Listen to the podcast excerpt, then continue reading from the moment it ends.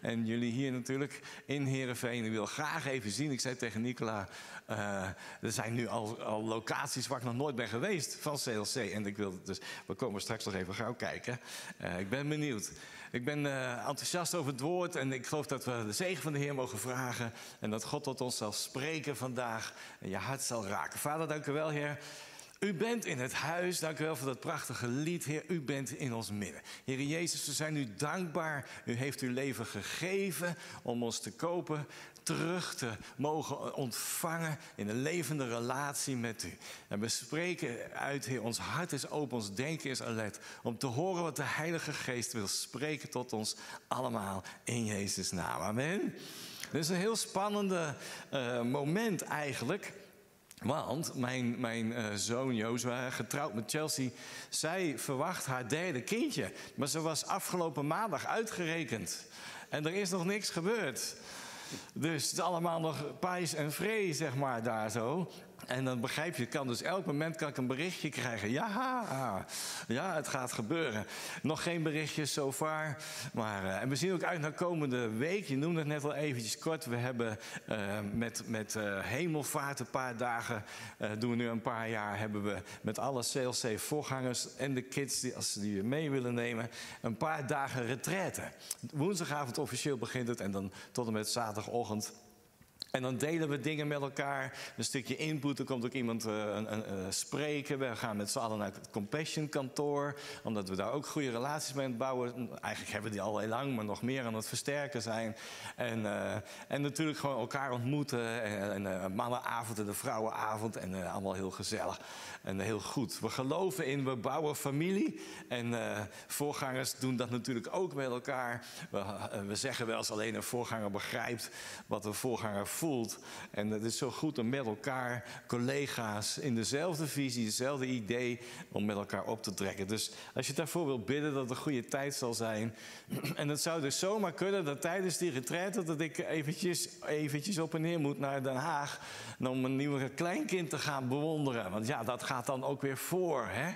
Dus uh, er gaat van alles door mijn hoofd terwijl ik hier sta. Ik geloof dat, uh, dat we een heel mooi woord zullen mogen ontvangen. De Heer zal spreken.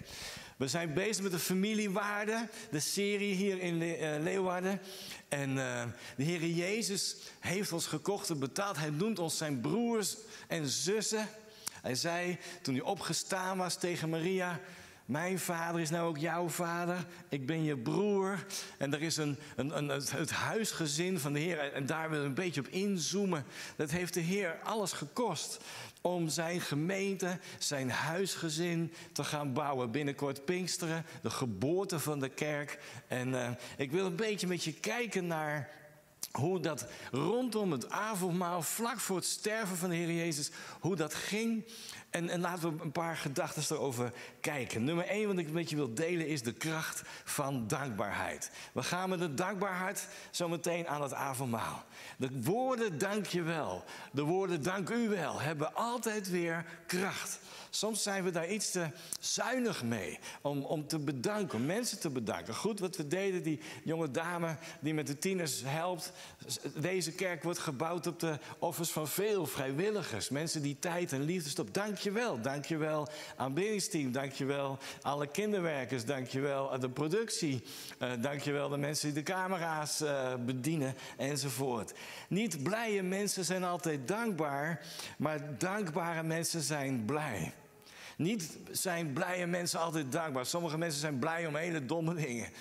Maar dankbare mensen worden blij. Er gebeurt iets van binnen. Dankbare mensen zijn vrijgevig. We zijn ons aan het voorbereiden op Hart voor het Huis offer. En ik weet ook, jullie hebben ook een prachtig uh, werk met, met, uh, om Oekraïense mensen te helpen, zag ik in de nieuwsbrief. En ik kreeg gisteren een, een berichtje van Henk Scholten. Hij is de voorganger van CLC in Rotterdam. Hij zei, Ereld, ze hebben ons gevraagd om een keer mee te helpen met het worshipteam... in een Oekraïense dienst op zondagmiddag. Dus het, het bijzondere hoe, hoe dat dan gaat. En, uh, vind je dat goed, zei hij. Natuurlijk, Henk. Daar hoef ik niet zo lang over na te denken. Lijkt me een heel goed idee. Dankbare mensen zijn vrijgevig. Ik doe soms een beetje in de message, zoals je een beetje van me gewend bent, omdat het zo mooi klinkt in het Engels. De, de wereld van de, de generous, de vrijgevige, wordt groter en groter. De wereld van de gierige wordt kleiner. Als wij geven, als we investeren, zoals jullie hier ook doen, zelfs aan de overkant hoor ik, in een prachtig project, dan wordt onze wereld groter. God zegent dat. Je wereld wordt groter, je kerk, je leven wordt groter. In Psalm 103, vers 2 staat: Loof de Heer mijn ziel en vergeet niet, vergeet niet één van zijn weldaden. Nou, soms vergeet je dat wel een beetje. Er zijn mensen, misschien moet ik het ook gaan doen, die opschrijven wat God allemaal gedaan heeft. En af en toe weer terugkijken. Als, we, als ik naar ons gebouw rijd in Den Haag. En als ik hier zo de straat in rijd met die mooie witte toren. Uh, dit gebouw, dan ben ik de Heer dankbaar. Dat zijn wonderen, lieve mensen. Dat we zulke mooie gebouwen mogen hebben. En uh, dat is maar een voorbeeld. Vergeet niet één van zijn weldaden. En dan staat hier, de Israëlieten maakten een fout. En laten wij die fout niet maken. In Psalm 106, vers 12. They believed his promises. Zij geloofden zijn belofte. Ze zongen zijn lofprijs. Maar al snel vergaten ze wat hij had gedaan. En dan staat er, and they did not wait for his plan to unfold. Eerst waren ze heel enthousiast, maar dat duurde niet lang. En toen waren ze al snel vergeten wat hij had gedaan. En dus kon de Heer zijn verdere plannen niet ontvouwen. Er is een enorme kracht in een dankbare kerk. In een dankbare christen. In een dankbaar gezin als je met de Heer, elkaar met de Heer dient. En dan kan de Heer zijn plan verder laten zien wat hij heeft voor jou en voor mij. Het zet vreugde vrij. Dank u wel, zet vreugde vrij in je leven. Het heeft een krachtig gebed effect op je gebeden. Als je met een dankbaar hart naar de Heer toe gaat. Wij hadden, eh, hebben het thema, dat is mijn tweede punt. He is our hope. Hij is onze hoop. Het is het jaarthema wat we gebruiken. Hij is onze hoop. En dan wil ik wat meer op in gaan zoomen richting dat avondmaal. Lees even met me mee uh, in, in 2 Korinthe 5. Onze hoop, zoals je waarschijnlijk wel weet, is niet... oh, we hopen dat corona niet meer terugkomt. Oh, we hopen dat de wereld weer een beetje in vrede komt. Want, lieve mensen, ik hoef je niet te vertellen... dat er heel veel gebeurt op dit moment. Ook in de achtertuin van Europa, als je dat zo wil noemen. Dat komt dichtbij. Onze echte hoop is in de Heer. Amen. In, in, in wie Hij is en de beloftes en de toekomst die Hij ons geeft. Lees met me mee in 2 Korinthe 5. We weten dat wanneer onze aardse tent, het lichaam waar we in wonen, wordt afgebroken, we van God een woning krijgen, een eeuwige, niet door mensenhanden gemaakte woning in de hemel. Daar gaan we het wat meer over hebben vandaag. We zuchten in onze aardse tent. We zouden willen dat we al in de hemel waren. We zijn ervan overtuigd dat we ontkleed niet naakt zullen zijn. Zolang we in onze aardse tent verblijven, zuchten we onder een zware last. De Bijbel is eerlijk. Het leven op aarde is niet altijd makkelijk. Zolang we hier in onze aardse tent verblijven, zijn dingen gaan lang niet altijd zoals God heeft bedoeld, zijn soms moeilijk. En dan staat er uh, in vers 5: Hiervoor heeft God onszelf gereed gemaakt door ons de Heilige Geest als onderpand te geven. Hij is het bewijs en een heenwijzing dat we later voor eeuwig bij Hem mogen zijn. Dus, vers 6, blijven we altijd vol goede moed. Altijd vol goede moed. En dan denk je, oh ja, zo Erend, dus jij bent altijd vol goede moed? Nou, vraag maar aan Mathilde. Dan zal ze zeggen, nou, dat wil nog wel eens een beetje op en neer. Maar de Bijbel roept ons op ook al weten we dat we, zolang dit lichaam onze woning is, we ver van de Heer wonen. Dat voel je soms. Heer, waar bent u? Soms is de Heer dichtbij en heb je geweldige tijden met Hem. Soms is hij ver weg en zoek je Hem. We leven in vertrouwen op God. Wat komen gaat is nog niet zichtbaar. We blijven vol goede moed, nog een keer. Ook al zouden we ons lichaam liever verlaten om onze intrek bij de Heer te nemen. Het avondmaal is een enorme heenwijzing naar onze toekomst, onze eeuwige toekomst met de Heer. En dan gaan we, als we de intrek mogen nemen bij Hem, dan gaan we nog wat meer naar kijken. Vers 8 staat er dan, waar wij in de NBG, wij zijn vol goede moed en we begeren te meer ons verblijf in het lichaam te verlaten om bij de Heer onze intrek te nemen. En dat is een eerlijke vraag aan jou en mij. Verlang je echt Leef je zo? Je zei, Heer, oké, ik ben nog hier. En zolang ik op aarde ben, heb ik een missie. Ik wil mensen helpen om u te vinden, om Jezus te vinden. Ik wil mensen helpen om in de nieuwe identiteit als zoon of dochter te gaan leven. En, en, en, en die nieuwe vrijheid te gaan ervaren.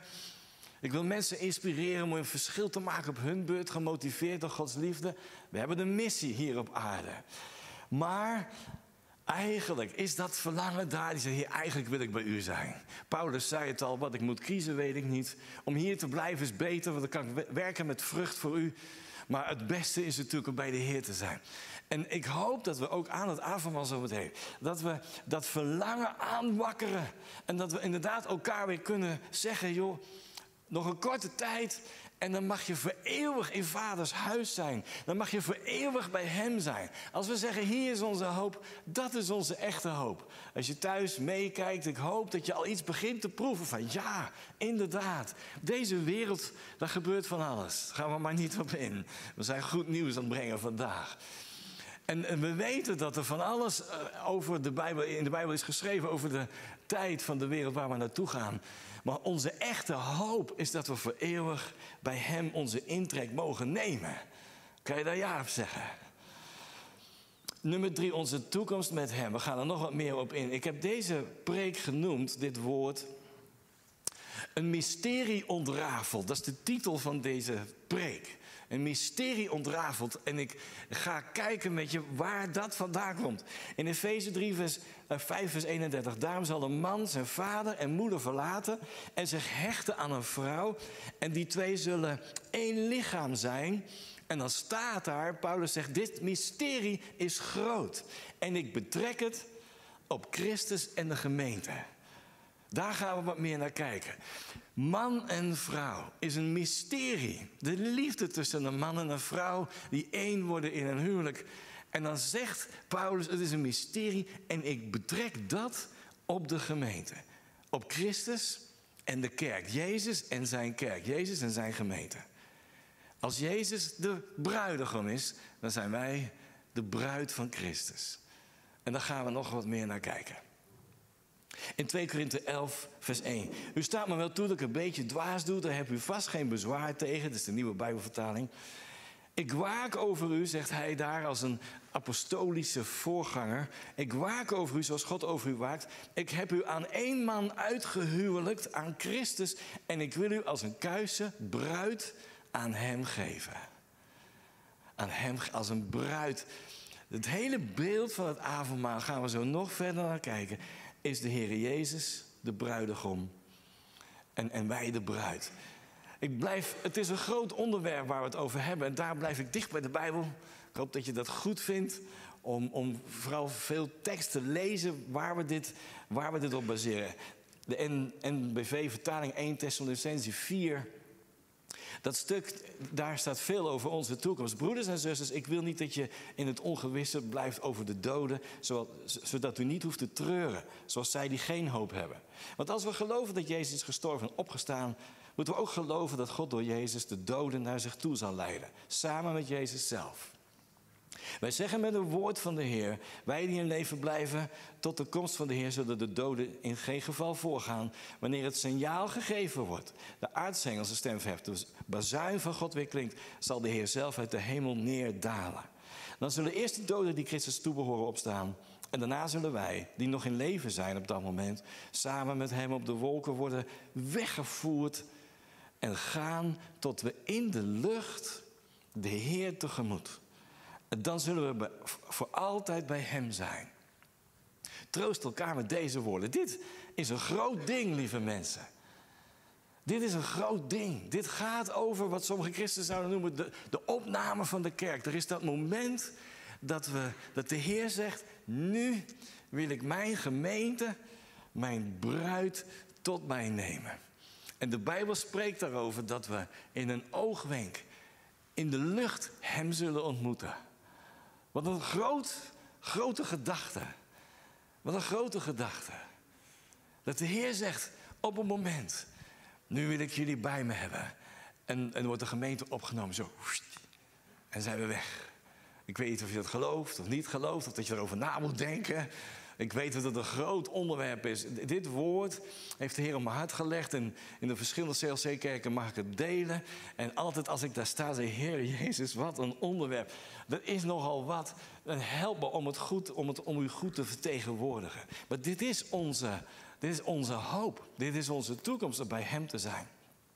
De bruid van Christus, stralend, schitterend gekleed, staat ze op de laatste bladzij van jouw Bijbel beschreven. De Bijbel stopt, eindigt. De laatste bladzij, de laatste paar versen van jouw Bijbel gaat hierover. De bruid en de Heer Jezus. De bruid en de bruidegom.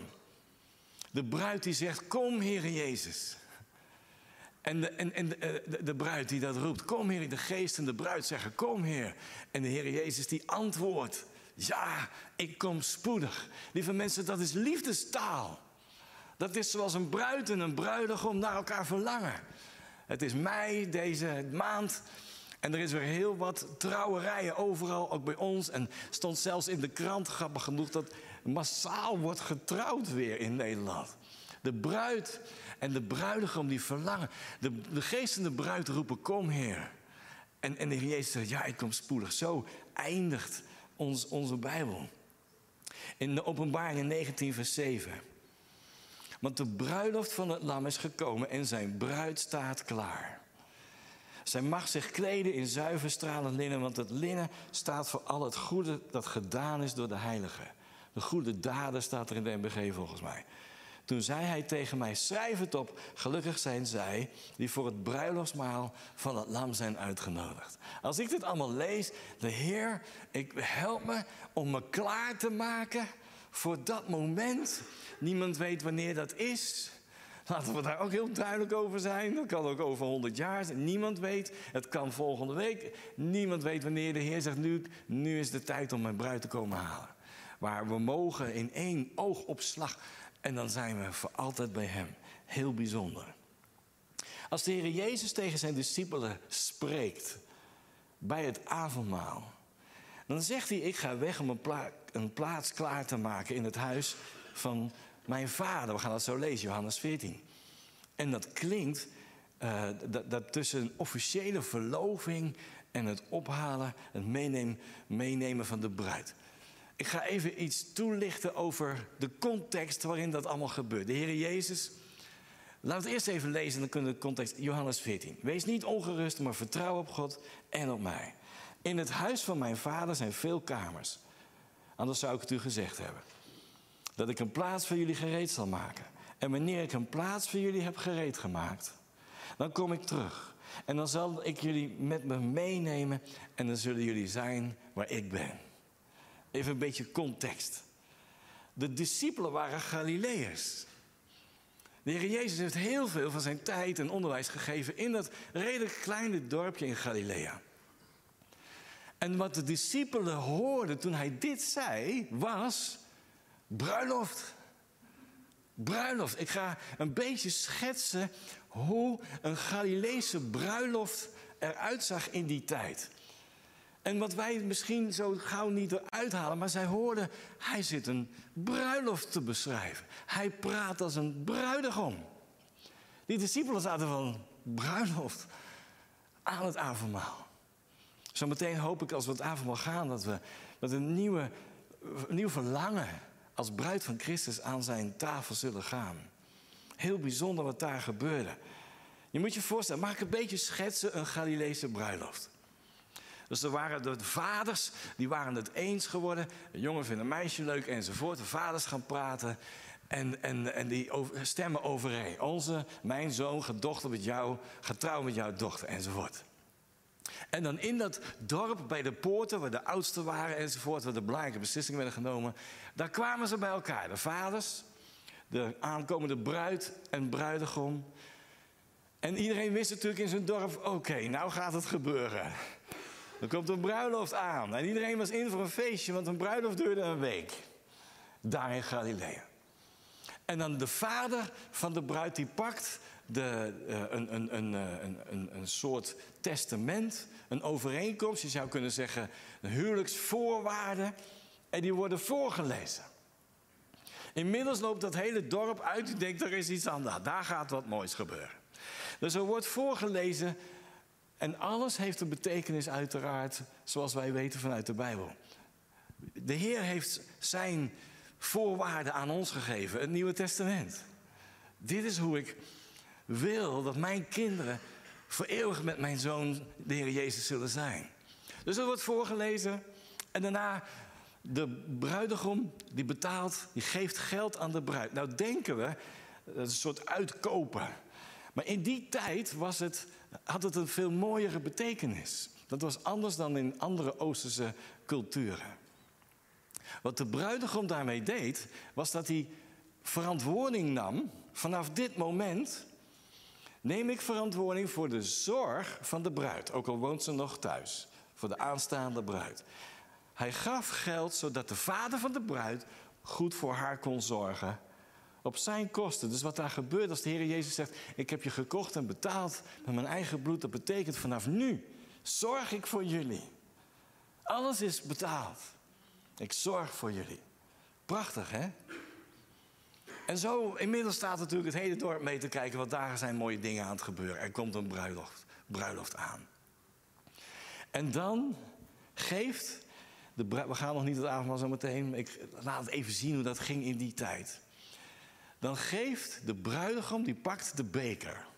Waar inmiddels dus het hele dorp, kan je je voorstellen, heel, dat, dat plein vol met mensen allemaal kijken. En dan wordt het heel stil, want dat is een plechtig moment. En hij geeft de beker aan de bruid. En want in andere Oosterse religies had zij geen keus, ze was uitgehuwelijkt. Maar in Galilea en daar in de omgeving. Waarom werd het nu heel stil op het plein? Omdat de bruid zelf besloot of ze de beker zou nemen of niet. Stel dat jullie nu heel stil zijn, wat gebeurt daar? De bruidegom geeft de beker aan de bruid. En zij bepaalt of ze gaat drinken uit de beker. Als zij drinkt, dan zegt ze: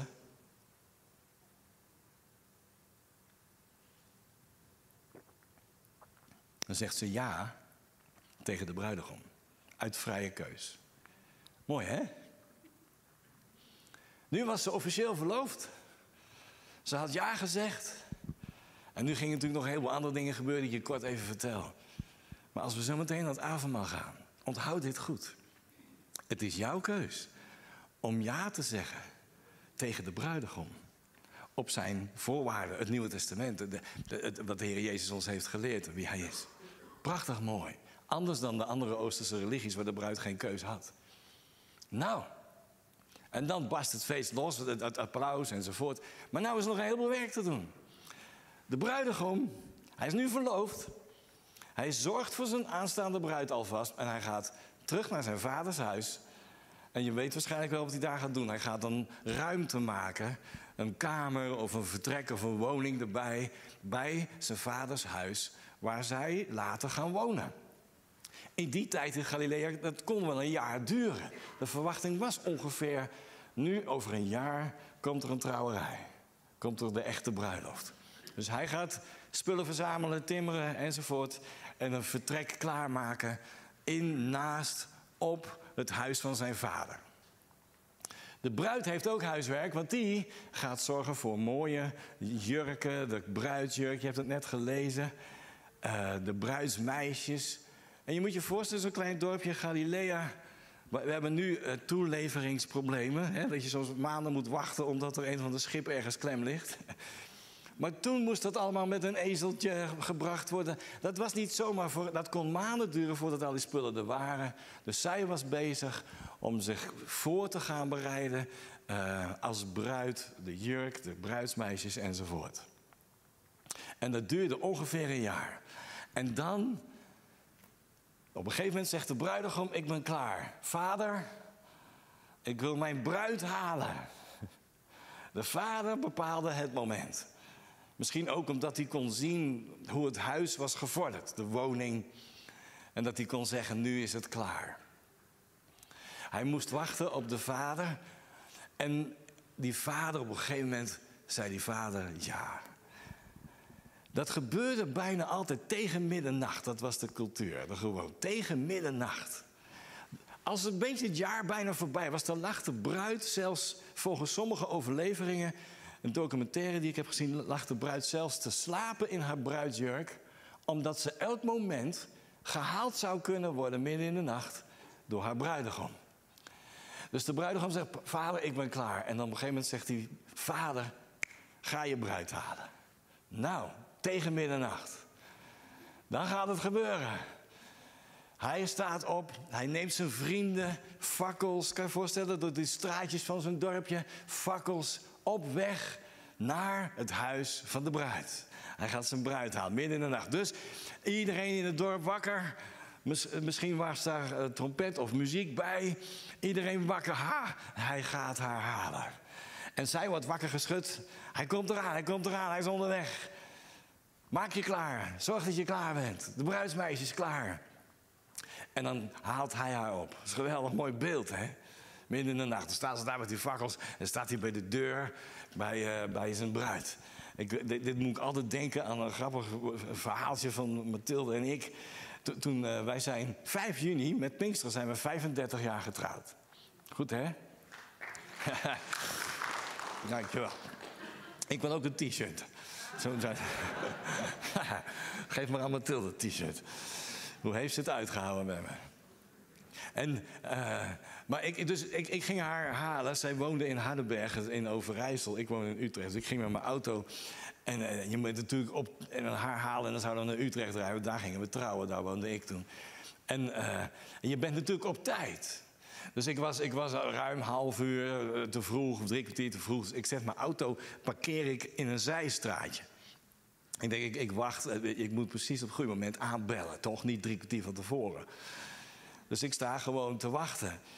Ik zit in de auto en ik, ik, ik zit nergens ja, zenuwachtig te wezen. En wat ik niet wist, heeft Mathilde me later verteld, zij, zij reed voorbij uit, van de kapper. Maar ze had nog niet de jurk aan. zo gaat dat dan, hè? eerst de kapper. En ze zag mij staan. En ze dacht, oh nee, hij is er al. en ik, ik, heb nog niet meer een half uur over om het jurk allemaal mooi en... Uh, Later vertelde ze me dat. Ik zei, Mathilde, ik was op tijd. Wat denk je? Maar ik, ik, ik, ik belde gewoon op goede momenten aan. Dus dat, de, de, de bruid en de bruidegom, die verlangen naar elkaar. Het was een mooi moment. We hadden veel bewolking helaas die dag. Maar op het moment dat ik aanbelde, zijn foto's van... was er een, echt waar een mooie zonnestraal op ons allebei. Prachtig mooi, echt de gunst van de Heer. Dus bruid en bruidegom die naar elkaar verlangen en, en, en zich klaarmaken. Nou, dus hier komt de bruidegom aan met zijn fakkels en zijn vrienden. En zij doet open de bruid die zich klaargemaakt heeft. En weet je wat er dan nog gebeurt? Een heel mooi detail. De, ze namen een soort draagstoel. En de bruid, op het moment dat zij werd opgehaald, raakte haar voeten de vloer niet meer. Ze werd gedragen, mag ik het zo zeggen, ze zweefde als het ware door de lucht naar het huis van de vader van de bruidegom. Waar doet je dat dan denken? Dat zie ik als wat sommige mensen noemen de opname. Daar waar de Heer zegt, nu is het moment dat mijn bruid de lucht ingaat. En we zullen hem ontmoeten in de lucht. En voor altijd bij hem zijn. Nou, en zo wordt ze gedragen. Zweeft als het ware over de Haar voeten raken de grond niet meer. En wordt, wordt zij gebracht, de bruid. Uh, stralend, wit, prachtig mooi, klaargemaakt wordt zij gebracht naar het huis van de bruidegom. Mooi beeld, hè?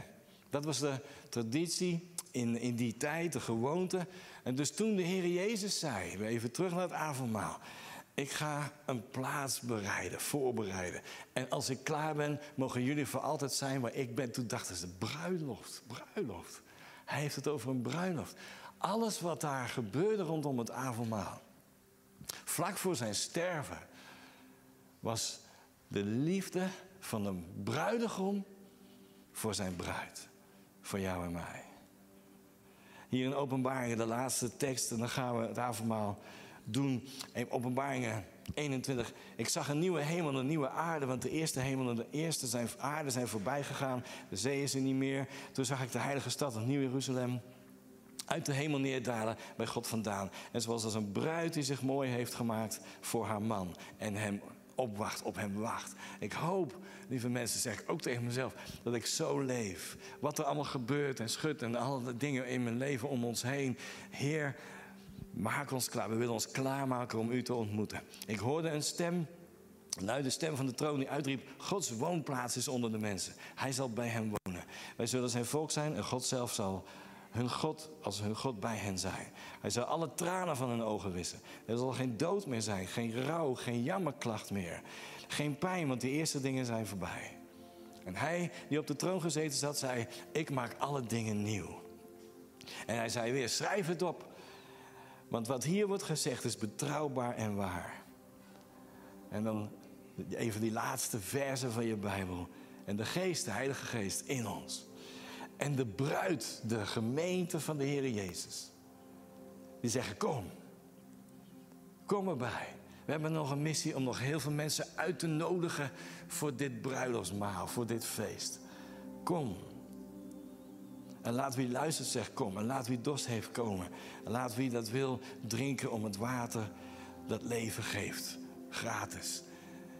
Kom, Heer Jezus. Maranatha, weet je nog het woord? En dan zegt de Heer, ik kom spoedig. Hij is een plaats aan het voorbereiden voor jou. Voor jou als je thuis kijkt. Voor jullie, ieder in Heerenveen. Hij is een plaats aan het voorbereiden. En als die klaar is, als de Vader zegt, nu is het moment. Dan neemt Hij ons mee om voor eeuwig bij Hem te zijn. Als we zo meteen aan het avondmaal gaan en we nemen van de wijn, dan is het jouw vrije keus uit liefde om ja te zeggen tegen Jezus. Om ja te zeggen, Heer, ik maak me klaar als deel van uw bruid. In Jezus' naam. Zullen we dat doen? Pak je dingetje er maar even bij. En laten we de Heer danken. Heer Jezus, we zijn u zo dankbaar. Dat u bent gekomen. We zijn u zo dankbaar wat u uit heeft gesproken en de prijs die u heeft betaald. Dank u wel, Heer, toen u het brood brak. Dat u zei, doe dit tot mijn gedachtenis, totdat ik weer kom. We zijn u dankbaar. U heeft de straf gedragen. U heeft alle ziekte, alle ellende gedragen. Zodat we in u een eeuwige hoop hebben op een eeuwige toekomst met u. Waar alle tranen zijn afgewissen. Alle pijn zal worden weggedaan. Duizendmaal dank, Heer Jezus. Dat u aan het, aan het kruis bent gegaan. De nagels heeft gedragen. De schuld heeft, onze schuld heeft gedragen. We zegen het brood in Jezus' naam.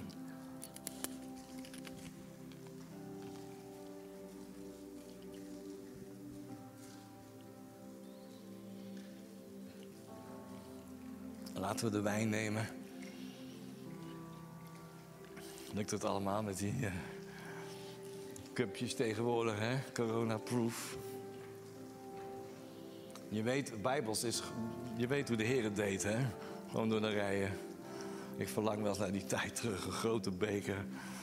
Maar ja, ik snap het allemaal wel. Heb je wijn? Nog één keer, als je neemt zo meteen. Is het jouw ja, jouw verlangen. Zoals een bruid verlangt naar haar bruidegom. Kom, Heer Jezus. U bent onze hoop voor eeuwig. We danken u, Heer. Uw taal is liefdestaal. U raakt ons hart met uw liefde. U roept ons, u lonkt ons zoals u een bruid roept. Dank u wel voor de eeuwige toekomst die we hebben in u. In Vaders huis. In Jezus' naam laten we nemen.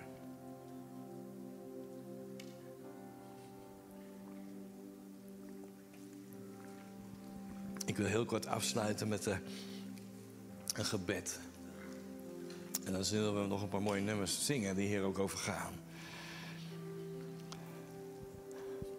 Ik denk dat je wel proeft centraal de, de uitnodiging, de roep, het verlangen van Jezus naar jou en mij allemaal. Ook als je meekijkt, ook in Heerenveen. Als je nog niet ooit echt bewust de keus hebt gemaakt, is dit je moment. Of als je zegt, ik wil terugkomen bij de Heer. Ik was bepaald niet de bruid die zich aan het klaarmaken was. Ik ben met andere dingen bezig. Maar ik wil een nieuwe start maken vandaag. Dan is dit gebed ook voor jou.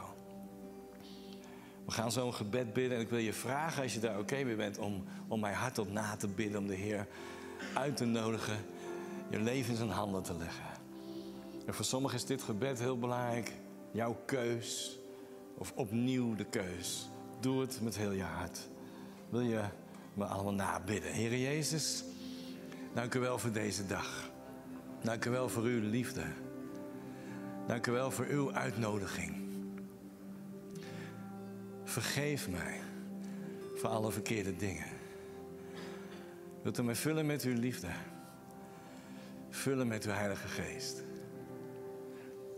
Heer Jezus, ik vertrouw mijzelf aan u toe. Heer Jezus, wees vanaf vandaag mijn leidsman en mijn redder en mijn allerbeste vriend. In Jezus' naam. Amen, amen. Als je die keuze hebt gemaakt, laat het ons weten. We hebben een gratis Bijbeltje voor je. We willen je helpen. Zorg ervoor dat je in een goede connectgroep komt. Dat je geworteld in het huis. Het leven is kwetsbaar. En je eentje is heel kwetsbaar. We hebben het over het huisgezin van God, de familie van de Heer. Je hebt elkaar nodig om elkaar te bemoedigen, te ondersteunen waar nodig, te inspireren. Hé, weet je, we hebben nog een roeping voor ons liggen. Dus zoek elkaar op. Ga naar die connectgroep. Kom in een team, bouw mee, zodat we verschil kunnen maken met elkaar in Jezus' naam. Laten we gaan staan. Gaan we de Heer nog een moment aanbidden.